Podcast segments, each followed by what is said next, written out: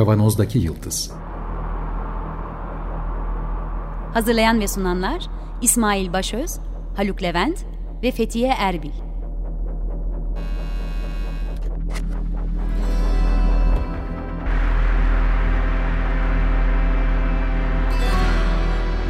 Bugünün penceresinden geleceğin ayak izleri. Merhabalar, Açık Radyo'dayız. 95.0 Kavanoz'daki Yıldız programında sizlerle beraberiz yeniden. Geleceğin ayak izlerini sürmeye devam ediyoruz. Geçtiğimiz hafta Doktor Can Sarıca ile derin beyin stimülasyonlarını konuşmaya başlamıştık. Geçtiğimiz haftaki kaydımıza ulaşırsanız nedir, ne değildir, ne oluyor? Beynimizin içerisine elektrot yerleştirerek hastalıkların tedavisi konusunda neler yapılıyor? Bir genel bilgi olarak konuşmuştuk. Bu haftada tekrar konuşmaya devam edeceğiz. Şimdi neler yapıldığını, bu konudaki gelişmeleri dinleyeceğiz. Bernis yine geçen hafta olduğu gibi Bernis Sütçübaşı bizimle beraber yine soran taraftayız ikimiz. Tekrar hoş geldin diyeyim. Bundan sonraki programlarda hoş bulduk. katıldığın zaman artık sen de bizim ekibimizden bir parça olarak umarım katılacaksın. Ve Can Sarıca, Doktor Can Sarıca hoş geldin. Hoş bulduk. Merhaba İsmail tekrardan. Merhaba Can. Kısaca tekrar tanıtayım.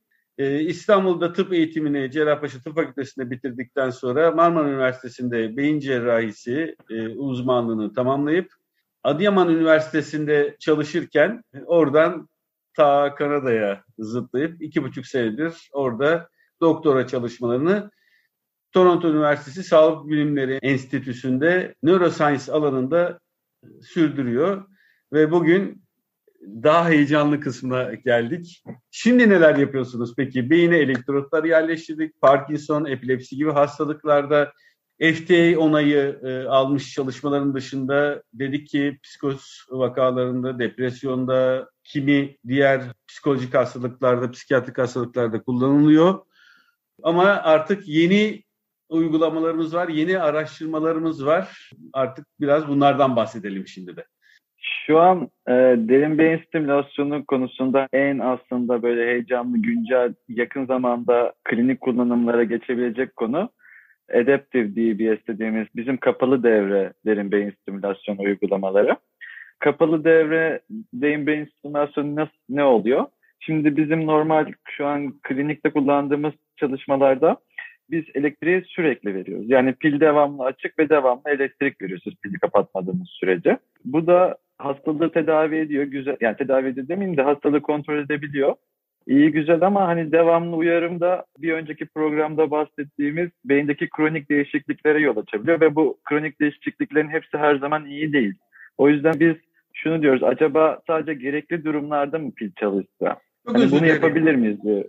Kronik değişiklikler ne oluyor mesela? Sürekli e, uyarım gittiği zaman ortaya çıkabilen kronik değişiklikler. Ya şimdi Parkinson hastalığı için konuşayım. Yani şimdi derin beyin stimülasyonunda Parkinson hastalığında ikinci balayı dönemi deniliyor. Ee, birinci balayı dönemi e, levodopa dediğimiz ilacı almaya başladıklarında oluyor. Hastanın şikayetleri birden azalıyor, kayboluyor. Sonra ilaç tedavisinde sürekli kullandığı zaman bu sefer diskinezi dediğimiz istemsiz hareketler oluşmaya başlıyor. Bu ilaca bağlı oluşuyor bu hareketler. Bu hastalarda derin beyin stimülasyonu gerçekten çok iyi etki ediyor ve bu hastalara biz derin beyin stimülasyonu uygulaması yapıyoruz.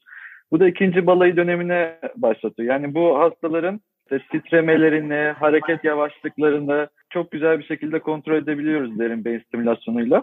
Ama bu hastaların kognitif bozulmalarını, e, ne bileyim konuşmalarını, yürüyüşlerini derin beyin stimülasyonuyla kontrol edemiyorsunuz. İşte bu da derin beyin stimülasyonun en büyük dezavantajı. Hani her şeyi tamamen kontrol edip tedavi edemiyorsunuz derin beyin stimülasyonuyla. Ve hastalığın ilerlemesine bağlı gitgide hastaların bu sefer konuşmaları bozulmaya başlıyor. Gitgide mental kapasiteleri düşüyor. Yani bilişsel fonksiyonlarında zayıflamalar oluyor. Yürüyüşleri bozuluyor. Hareketleri belki donmaya başlıyor. Bu hastalığa yani bağlı bunları... ama değil mi? Elektrotlara bağlı, uyarma bağlı değil herhalde bunlar. Hastalığa bağlı ama şu da var. Kronik bir şey kontrolsüz bir şekilde de bir bölgeye uyardığınız zaman o bölgedeki her yolak bizim uyarma istediğimiz yolaklar değil. Bazen uyarma istemediğimiz yolakları da uyarıyoruz. Ve o uyarılarımız istenmeyen şeylere yol açabiliyor bu hastalarda. şu var. Gerekli zamanda gerekli yeri uyarmak. Yani optimum uyarı asıl şu an hedefleniyor. Bunun için de yeni çıkan derin beyin stimülasyonu pilleri beyin dalgalarını ölçebiliyor. Bunları analiz edebiliyor. Hı. Ben bir önceki programda söylemiştim. Bizim düşük frekanslı dolaşan dalgaları istemiyoruz. Mesela bu piller düşük dalgalı bir frekans ne yapınca hasta ortaya çıkıyor? E, ne zaman çıkıyor? Hani bunların hepsini kaydedebiliyorlar. Bu aynı zamanda yerleştirdiğimiz elektrot sadece elektrik vermiyor. Aynı zamanda bir sensör gibi çalışıp evet. o bölgedeki ne oluyor ne bitiyor onu algılayabiliyor. Bu algılama sonucunda da mesela diyelim düşük frekanslı dalgalar sistemde gezmeye mi başlıyor? Sistem diyor ki Aa, düşük dalgalı frekanslı bir dalga geçiyor hemen ıı, pili çalıştırayım uyarıyı vereyim diyor. Bu da işte kapalı sistem oluyor. Bu çok önemli gerçekten. Mart ayında birlikte yaptığımız programda da bunu da tekrar hatırlatalım programda. 25 Mart'ta da ıı, bir program yapmıştık Can seninle. Orada da belirtmiştin. Şimdi tedavi için kullandığımız cihazlar aynı zamanda beyin dalgalarını sürekli takip edebilme şansına sahip diye belirtmiştin. Yani dışarıdan uyarı vermekten bahsediyoruz derin beyin stimülasyonunda. Ama içeride olup biteninde takip ettiğimiz bir sistem ikisi birlikte çalışıyor şu anda. O zaman yeni çalışmada. Evet. Olup biteni takip ediyor. Alarm verdiği zaman devreye giriyor. Doğru mu anladım? Aynen öyle. Yani bunları siz ayarlayabiliyorsunuz. Mesela diyorsunuz ki bu düşük frekanslı dalganın mesela boyutu şu seviyeye geçtiği anda hemen pil çalışsın diyorsunuz. Pili o şekilde programlıyorsunuz ve pil o şekilde çalışmaya başlıyor. Devamlı bir uyarı vermiyor artık. Böylelikle hani siz optimum stimülasyon yapabiliyorsunuz. Yani doğru yeri doğru zamanda uyarabiliyorsunuz. Ama işte bunda da sorunlar var. Her zaman %100 korele olmuyor bu şeylerle. Bizim kullandığımız biomarker deniyor buna Mesela o düşük frekanslı dalga diyorum ya o bir biomarker. Yani sizin veri olarak pile vereceğiniz o veri her zaman yüzde yüz hastalıkla koreli olmaya da biliyor işte. Şu an uğraştığımız şeyler alan olarak yeni biomarkerlar bulup bu biomarkerları optimize etmek ve tedaviyi buna göre şekillendirmek. Evet çok çok iyi bir bir araya geliş bu gerçekten. Sadece EEG ile beyin dalgalarını izlediğimiz zamanlardan daha önceki program bazı programlarımızda da bahsettik beynin içine yerleştiren elektrotlarla bu beyin dalgalarını almak mümkündü. Aynı zamanda da stimülasyonunu onunla korele ederek yapmaya çalışıyoruz. Ama henüz daha ne bileyim başlarında sayılırız değil mi? Tam olarak gerçek ama çok bence şey heyecan verici bir boyutu bu bence. Bu evet. Yani yine de bayağı yol kat etmişiz gibi. Çünkü normalde böyle offline bir şekilde araştırmalar yapıyorduk. İşte EEG kaydedip daha sonrasında uyarım yapmaya çalışıyorduk. Eş zamanlı olarak ilerliyor olması oldukça umut verici.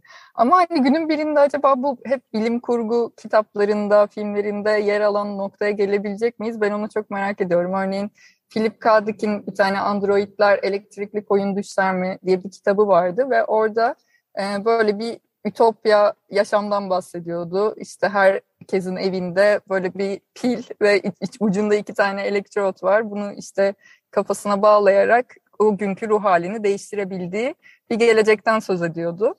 Hani belki çok şu an oraya o kadar yakın değiliz ama bir şekilde böyle bir yol kat ediyormuşuz gibi görünüyor. Bilmiyorum siz ne düşünüyorsunuz? Ya bu işin dediğim gibi hani e, ucu bucağı aslında olmayan bir şey. Yani bilim kurgu işin içine girdi mi çoğu şey yapılabilir. Ama hani elektrikten ziyade asıl benim böyle bilim kurgu olarak gözlemlediğim şey elektrik harici yöntemlerle hani beyinde herhangi bir yere uyarabilmek. Yani sonuçta biz bunu bir cerrahi bir yöntemle o elektrotları oraya yerleştiriyoruz. Hani hiç elektrot yerleştirmeden, hiç cerrahi yapılmadan sadece dışarıdan bir uyarıyla e, beyindeki herhangi bir yer uyarılıp herhangi bir etkiye yol açabilir miyiz? Bu aslında bence daha bir bilim kurgu gibi bir şey. Ve şu an ses dalgalarıyla bu yapılmaya başlandı. Yani bu alan çok yeni. Focus Ultrasound deniyor. Daha insan çalışmaları yaklaşık bir 10 yıllık falan. Ses dalgalarını kullanarak beyindeki herhangi bir yeri uyarabiliyorsunuz siz.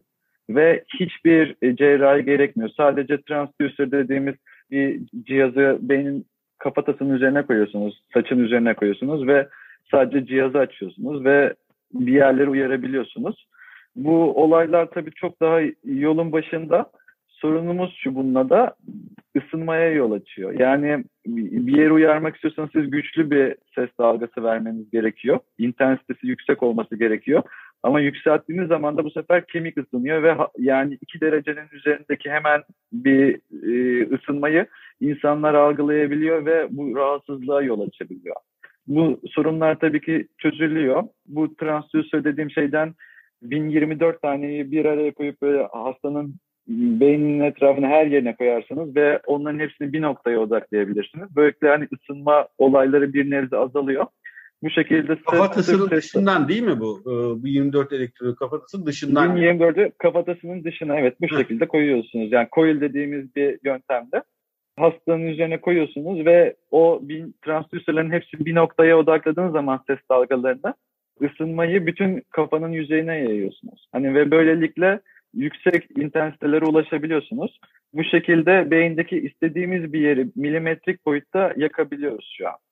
Yani ben sizin mesela hiçbir şekilde fiziksel böyle dışarıdan bakınca anlaşılmayacak bir şekilde beyninizdeki milimetrik bir noktayı yakıp sizi tedavi de edebilirim. Hatta sizi istersen öldürebilirim. Yani muhtemelen 1-2 milimetrelik yapacağım bir lezyon da işte adli tıpçılar kaçırabilir yani. İşte bu mesela bir, bence bilim kurgu bir olay yani. İleride bu tarz şeyler olabilir. Ben... Şu an bunu tedavide yoğun bir şekilde kullanıyoruz.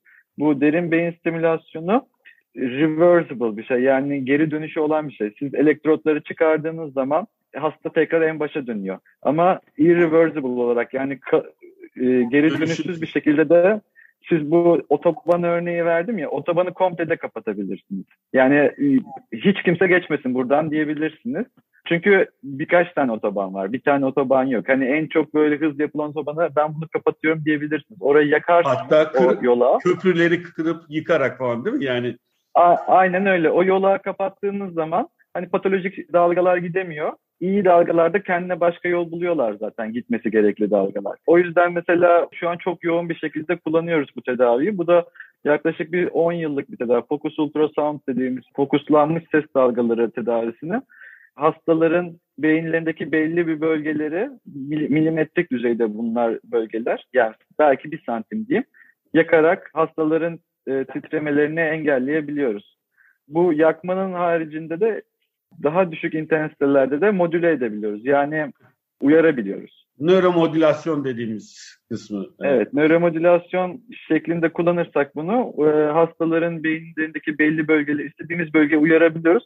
Ama bu daha çok çok yolun başında çünkü nöromodülasyon için gerekli yoğunluğu işte ve keskinliği yani rezolüsyonu sağlayamıyoruz henüz şu an. Daha bu olaylar çok yolun başında.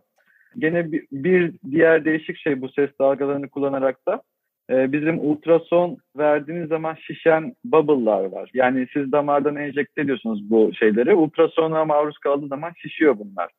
Siz bunu hastanın damarlarına verdiğiniz zaman ultrasonu uyguladığınız zaman bunlar şişip hastanın damarlarını açıyor. Ses beyinde, dalgası tekrar altını çizmek istiyorum. Yani damardan veriyorsunuz beyinde ses dalgasına maruz kalınca o özel e, yapım ses dalgasına maruz kalınca şişiyorlar ve damarlarını açıyor. Aynen öyle. Çok, yani bu yöntemle Çok şöyle beyin kan beyin bariyeri dediğimiz bir bariyer var ve bu beynin hani dışarıdan bir şey girmesini engelleyen bir bariyer. Siz bu bariyeri açtığınız zaman hastaya mesela beyin kanseri mi var? Kemoterapisini veriyorsunuz hastaya. Normalde o beyin bariyerinden dolayı geçemeyecek kemoterapitikler direkt geçebiliyorlar ses dalgası vererek. Yani bu şu an bu tedaviler daha bir 5-10 yıllık tedaviler ve bunlar şu an ciddi anlamda yoğun olarak yapılıyorlar. Yani umut, bunu sadece umut beyin... verici, umut verici görüyorsun sen yani.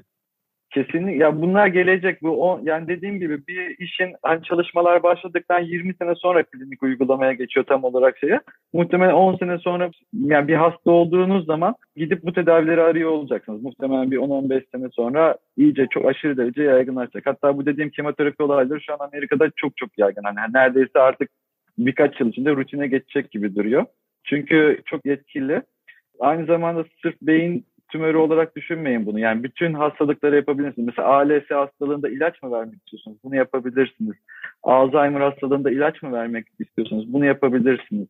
Ya da ses dalgalarını gene e, beyinde damar tıkanıklıkları hastalıklarında da kullanabiliyorsunuz. Yani ses dalgasıyla bu damar plakları da belki açabilecek bileceğiz ileride. Şu an hani bir sürü hayvan çalışmaları var, insanlarda çalışmalar var ama bunlar daha henüz deneysel aşamalarda. Peki şey hani bu elektrik dalgalarının etkisi mesela geçici oluyor. Derin beyin uyarımında sürekli olarak böyle elektrik uyarımı vermek gerekiyor. Ses dalgaları içinde benzer bir durum söz konusu mu? Hani ne kadar süreli bir etkisi var? Sürekli tekrar etmek gerekiyor mu? Ya yakmak için herhangi bir yere eğer yakacaksak beyinde yani bir, bir santimlik bir lezyon oluşturacağız yakarak. Onun için gerekli olan ses dalgalarının iletilme süresi 20 saniye falan yetiyor. Yani 20 saniyede sesi oraya verdiğimiz anda hani bunu bir de birkaç kere tekrarlayıp o yaktığımız yeri iyice bütün her şeyin ölmesini istiyorsak 2-3 kere tekrarlıyoruz. Bu yetiyor. Ama nöromodülasyon işine gireceksek onun şu an dünyada sorduğun sorunun cevabı belli değil. Çünkü daha ne tarz uyarı yapıp yapamadığımız belli değil. Şu an ne yapabiliyoruz? Ben ses dalgalarını sizin duyu korteksinizin üzerine koyduğum zaman ve onu açtığım zaman cihazı ellerinizde, ayaklarınızda hangi bölgeye koyduysam uyuşma hissedebiliyorsunuz. Şu an bunu yapabiliyoruz.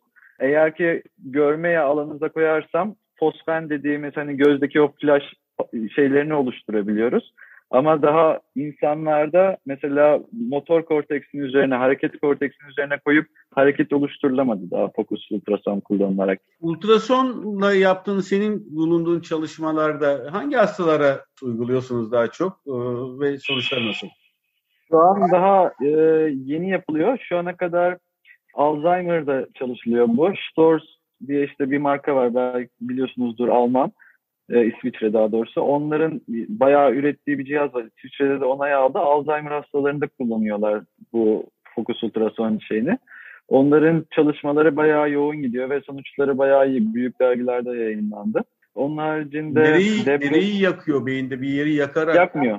Ha. ha. bu benim dediğim nöromodülasyon olan fokus. Ha, modülasyon bahsediyorsun. Modülasyon olan. Şu an bizim buradaki kliniğimize Parkinson hastaları için başladık. Tremor hastaları için başladık ama daha sonuçlar yayınlanmadı. İşte şu ana kadar hareket bozukluklarında daha yayınlanmış bir çalışma yok insanlarda. Onun haricinde depresyon hastalarında denenen yerler var. Ağrı hastalarında denenen yerler var ama şu an hani böyle randomize kontrollü bir çalışma yok. Yani bu olaylar daha çok çok başında randomize kontrol çalışmalar belki 10 sene sonra falan 5-10 sene sonra başlayacak muhtemelen bu işler için. Ama sizin e, gözleminiz nasıl şeyle hani derin beyin uyarımıyla karşılaştırınca hani sonuçta derin beyin uyarımında da aslında iyi bir sonuç alınabiliyordu herhalde hareket bozukluklarında ama yine de ultrasonla ilgili çalışmalar yapıldığına göre oradan bir beklenti var. Sizin gözleminiz ya, nasıl? Ultrason çok güçlü ama şu anki cihazlar bizim klinikte rahatlıkla uygulamamızda yetebilecek kapasitede cihazlar değil işte. Tamamen şu an olay mühendislerin elinde. Yani e, dediğim gibi bir yeri yakmak için dedim ya 1024 tane transdüsörü bir araya getirip bir sistem yapacaklar. Yani böyle böyle sistemler yapılması lazım. Ama bunun haricinde eğer şeyi soruyorsanız hani nereleri yakıyoruz? O olaylar şu an bizim klinik kullanımımızda ve randomize kontrollü çalışmalarda da kanıtlanmış durumda ve esansiyel tümör hastalarında çok ciddi derecede kullanıyoruz bunu. Çok çok da iyi sonuçlar veriyor. E, derin beyin stimülasyonunun avantajı çok yaşlı hastaları yapabiliyoruz. Yani geçen burada 98 yaşındaki bir hastayı ameliyat ettik. Şeyi cerrahi açık ameliyat yapmak zor oluyor. Parkinson titremelerinde de yapabiliyorsunuz Parkinson hastalığını. Esansiyel tremorda da yapabiliyorsunuz bunu. Tabii bir tam tespit edilemeyen titremelerden bahsediyoruz yine. Aynen öyle. Yani belli dediğim gibi o belli yolakları yaktığımız zaman hastanın titremesi birden duruyor ve hasta cihazın içinde iki saat kalıyor. Bunun sadece sizin ses dalgası verdiğiniz kısmı yaklaşık bir bir dakika falan ve o bir dakikanın sonunda hastanın titremesi birden böyle jiletle kesmişsiniz gibi kesiliyor. Yani çok çok böyle dramatik sonuçlar veriyor. Doğru hastayı seçerseniz de çok etkili bir yöntem. Elektrik kullanılıyor dedik, ses dalgası kullanılıyor dedik bu derin beyin uyarımları için. Bir de transkranial magnetik simülasyon var yanılmıyorsam değil mi? Çok iyi. Biraz ondan bahseder evet. misin? Ya TMS bayağı uzun yıllardır kullanılıyor. Manyetik dalgaları da kullanarak aynı fokus ultrason gibi beyni uyarabiliyorsunuz. TMS'in dezavantajı şu, çok geniş bir alanı uyarıyor. Yani biz beyinde milimetrik işlerle uğraşmak istiyoruz. Hani o rezolüsyonda olmak istiyoruz. Ama TMS santimetrelik alanları uyarıyor. Gene aynı şekilde o da manyetik dalga oluşturarak dışarıdan herhangi bir cerrahi yapmadan korteksi e, uyarabiliyorsunuz ona da. TMS ile mesela çok rahat hastanın beynine uyararak elini havaya kaldırmasını sağlayabilirsiniz. Yani kaslarını kasabiliyorsunuz. Bunu şu an için fokus ultrasonla yapamıyoruz ama. Yani çünkü o dediğim bahsettiğim olaylardan dolayı TMS'in işte yakın zamanda hatta bir çalışması yapıldı. Çok benim derin yakından takip ettiğim bir alan değil ama onun da klinik çalışmaları yani randomize kontrollü bir çalışma yapıldı ve onun da şu an klinik uygulamaları başladı. Kanıtlanmış bir şekilde başladı. Depresyon hastalarında derin beyin uyarımıyla başlanmış ama daha sonrasında transkranyal manyetik uyarım FDA onayı alıyor. Yani evet. depresyon dirençli, tedaviye dirençli depresyon hastaları eğer iki defa ilaç kullanmasına rağmen tedavi de iyi bir gelişme göstermiyorlarsa transkranyal manyetik uyarım tedavisine alınabiliyorlar. Ama Can evet. Hocanın da bahsettiği gibi yani genelde korteks yüzeyindeki bölgeler için biraz daha etkili ve korteksin çok alt yapılarına, subkortikal yapılara çok fazla etkide bulunamıyor. Bir de en büyük dezavantajı belki etkisinin kısa süreli olması. Mesela motor kortekse uyarım yapıldığında işte 20 dakikalık bir uyarımın etkisi 1 saatle 3 saat arasında tamamen kaybolduğunu gösteren çalışmalar var. Dolayısıyla böyle hani sürekli tekrar etmek gerekiyor gibi uyarımı. Bir de derin beyin uyarımı gibi beynin içine yerleştiremediğiniz için kişinin sürekli TMS yazının olduğu yere gidip uyarımı alması gerekiyor gibi bir sorun oluşturuyor. Ya işte bu TMS'i şu an burada benim olduğum klinikte çok çalışılıyor ama yani ben benim çok alanım değil. Şey için şu an yeni başlayan çalışmalar var kullanılan. Mesela beyninizde bir yerde bir tümör var veya da bir damarsal bir anomali var. Onun cerrahi öncesinde TMS ile etrafındaki bölgeler sürekli uyarılıyor cerrahiye kadar ve o bölgelerin daha aktif olması sağlanıyor. Yani böylelikle tümörü aldığınız zaman orada tümörün olduğu yerdeki hücrelerin yaptığı görevleri başka bir yere taşımış oluyorsunuz siz. Ve tümörü aldığınız zaman e, hasta daha az fonksiyon kaybı yaşıyor. Yani bu daha henüz kanıtlanmış şeyler değil ama deneysel olarak şu an bunlar ciddi derecede çalışılan konular. Yani plastiste sağlayarak beyninizdeki çalışan yerlerin değiştirilebiliyor. Şeyler, bu yolakların değiştirilmesinden bahsediyorsun. Evet, evet, evet. Aa, ilginç.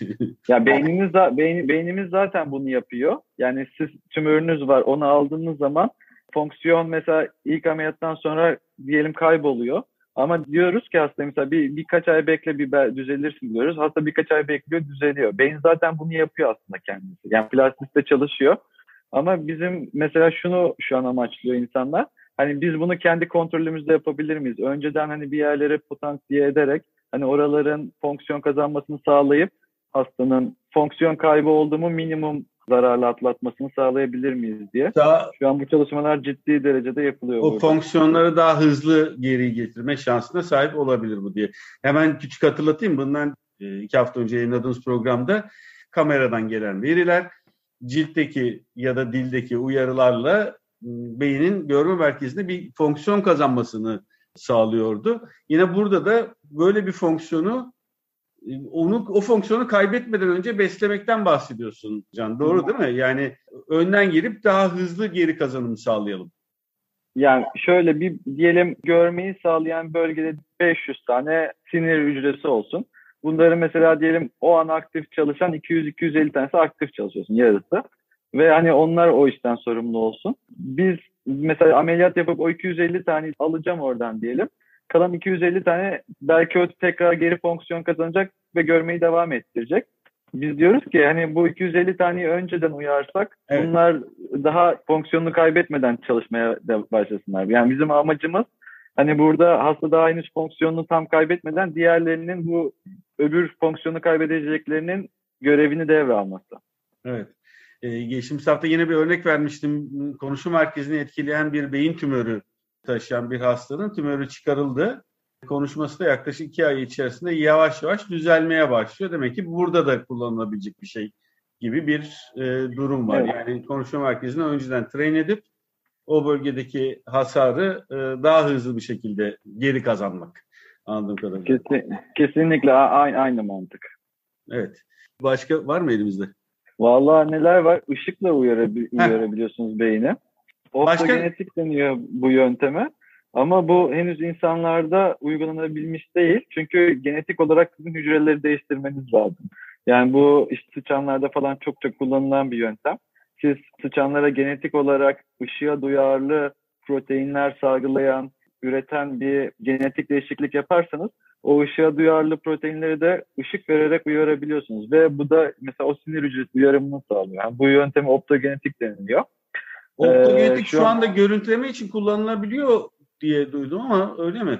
Görüntüleme dediğimiz şu, bu optogenetik yöntemiyle uyarı yapabiliyorsunuz. Uyarı yaptığınız zaman da isterseniz hani görüntüleme yaparsınız, isterseniz farklı fizyolojik e, şeyleri ölçersiniz. Ama bu hani bir uyarım metodu. Ama işte bunu insanda yapmak çok zor, etik değil. Genetik olarak değiştirmeniz lazım gerçekten. Yani normal en basit aşıda bile herkes ortalığı yıkarken hani böyle bir şey yapmak herhalde bu belki çok çok ilerisinin teknolojisi olabilir yani genetik olarak bir şeyleri değiştirip. Evet bu, bu optogenetikle ilgili kendi e, takvimimizde yer aldı. Önümüzdeki haftalarda herhalde 3-5 hafta sonra optogenetiği de burada yine bu konuda çalışan bir bilim insanıyla konuşacağız. Peki süremiz bitti yine bugün. Kapanış yapayım. Doktor Can Sarıca ile beraberdik. Kanada'dan, Toronto'dan bize katıldı derin beyin uyarımları nasıl oluyor ve hangi e, hastalıklarda kullanıyoruz, nasıl kullanıyoruz? Bir de henüz daha onaylı bir şekilde hastalıklarda kullanmadığımız ama önümüzdeki zamanlarda umut vadeden çalışmalardan bahsettik. Ee, çok teşekkür ediyoruz tekrar. Ben teşekkür ederim İsmail ve Bernis. Çok güzel bir program oldu. Çok teşekkür ederim. Çok sağ ol. Bernis'le beraber sunduk.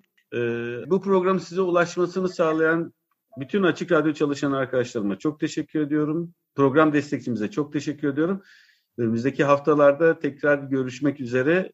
Sağlıkla kalın. Görüşmek üzere. Görüşürüz.